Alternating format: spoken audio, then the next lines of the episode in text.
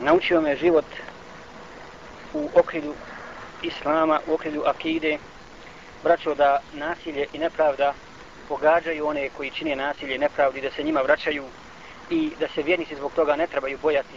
Trebaju se bojati samo da oni ne budu nasilnici i da oni nekome nasilje ne učine.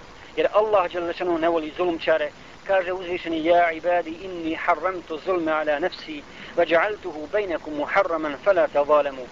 O moji robovi, ja sam zabranio sebi zulum.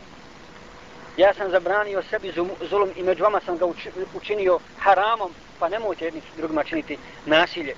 Zulum je dakle tmina, tmina i zulum sudnjega dana. A posebno zulum prema svakome, a posebno prema bližnjemu. Ovdje ćemo napomenuti jedan slučaj koji se desio u jednoj, jednom selu, u jednom mjestu, gdje čiji su stanovnici ostali bez muškaraca posle rata. Posle rata stalno ratovali, stalno ratovali jedni između drugih. Dakle, kako Allah kažnjava zulumčare, kako Allah kažnjava zalime i ne mislite, kaže uzvišeni, da Allah ne motri na one koji čine zulum, da one, na one koji čine nepravdu ljudima u bilo kojem pogledu. Pa kaže, razmišljali su, okupni se njihovi velikani, šta da urade. Nema muškaraca i strijebili se desetkovani potpuno. Pa je pao prijedlog, a onaj koji je bio vođa tog sastanka bio Iblis, pa je pao prijedlog od jednog neka, neka svako od nas legne sa svojom sestrom ili sa svojom majkom, ne olubila, pa da tako, nema, nema, nema drugog izlaza. Tako su oni mislili da nema drugog izlaza. Da se poveća naš broj, jer napadaće nas ponovo naši neprijatelji. Pa su se vratili kućama i jedni su to učinili, a drugi nisu, ali su bili zadovoljni s tim. A onaj koji je zadovoljan sa zlom, on je kao i onaj koji, koji, koji počini to zlo. Pa su to učinili, pa je Allah Đalešanuhu poslao kaznu.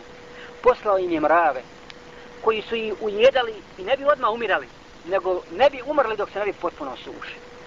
Potpuno se tijelo osuši i onda samo padne i umre.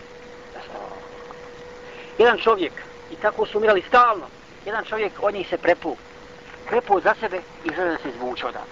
Želio da pobjegne iz te skupine, iz tog svog sela. I pokupio je bogatstva koliko je mogu. Pokupio je pokroj zlata što je pokroj sebra i jedan čup u jednu posudu i sakrio, nije to mogu podnijeti, ponijeti sve sa sobom, sakrio po jedan veliki kamen za kupu. Pobjegne prema Mekke. I u Mekke je živio dugo vremena, kaže oko 20 godina je živio, i kasnije je našao jednog mladića povjerljivog. Nije ti on da, da ode u to, u to svoje selo. A u selu nije ostao jedan muškarac, samo ženska bija. Samo ženski svijet ostao. Kaže, ima to i to selo, bil ti otišao da mi doneseš jednu stvar. Nije smio on otići, nego da on, da on mladić odi. Kaže, bi. A pošto je bio povjerljiv, znao da neće ništa dirati.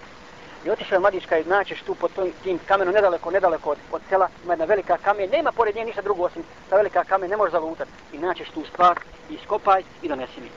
I otišao je mladić i iskopao je, bio je, bojao se Allah, čarom, ništa nije dirao. Nije želio da vidi šta je unutra. Nego je ponio, znao je da je zlato i srebro, znao je da, ne, da je nešto neka vrijednost i otišao je. Došao je u Meku i kad je donio ovome, evo, kad je sludirao, kad je nisam, vallahi dirnuo ništa i ovaj se obradovao. 20 godina čekao kad je otvorio mravi. Mravi. Mravi su navali na njega i ujedali ga i osušio se dok nije umro. Dakle, ne možeš pobjeći. Ne može zulum čar vallahi pobjeći od, od, od Allahove kazne, kaže uzvišenje wala tahsabanna Allaha ghafilan amma ya'malu zalimun. Ne misli da Allah ne motri na ono što rade, što rade zulumčari jedan od vladara muslimanskih Mu'tamid koji je bio namjesnik u jednom od gradova Emevijske, Emevijske dinastije.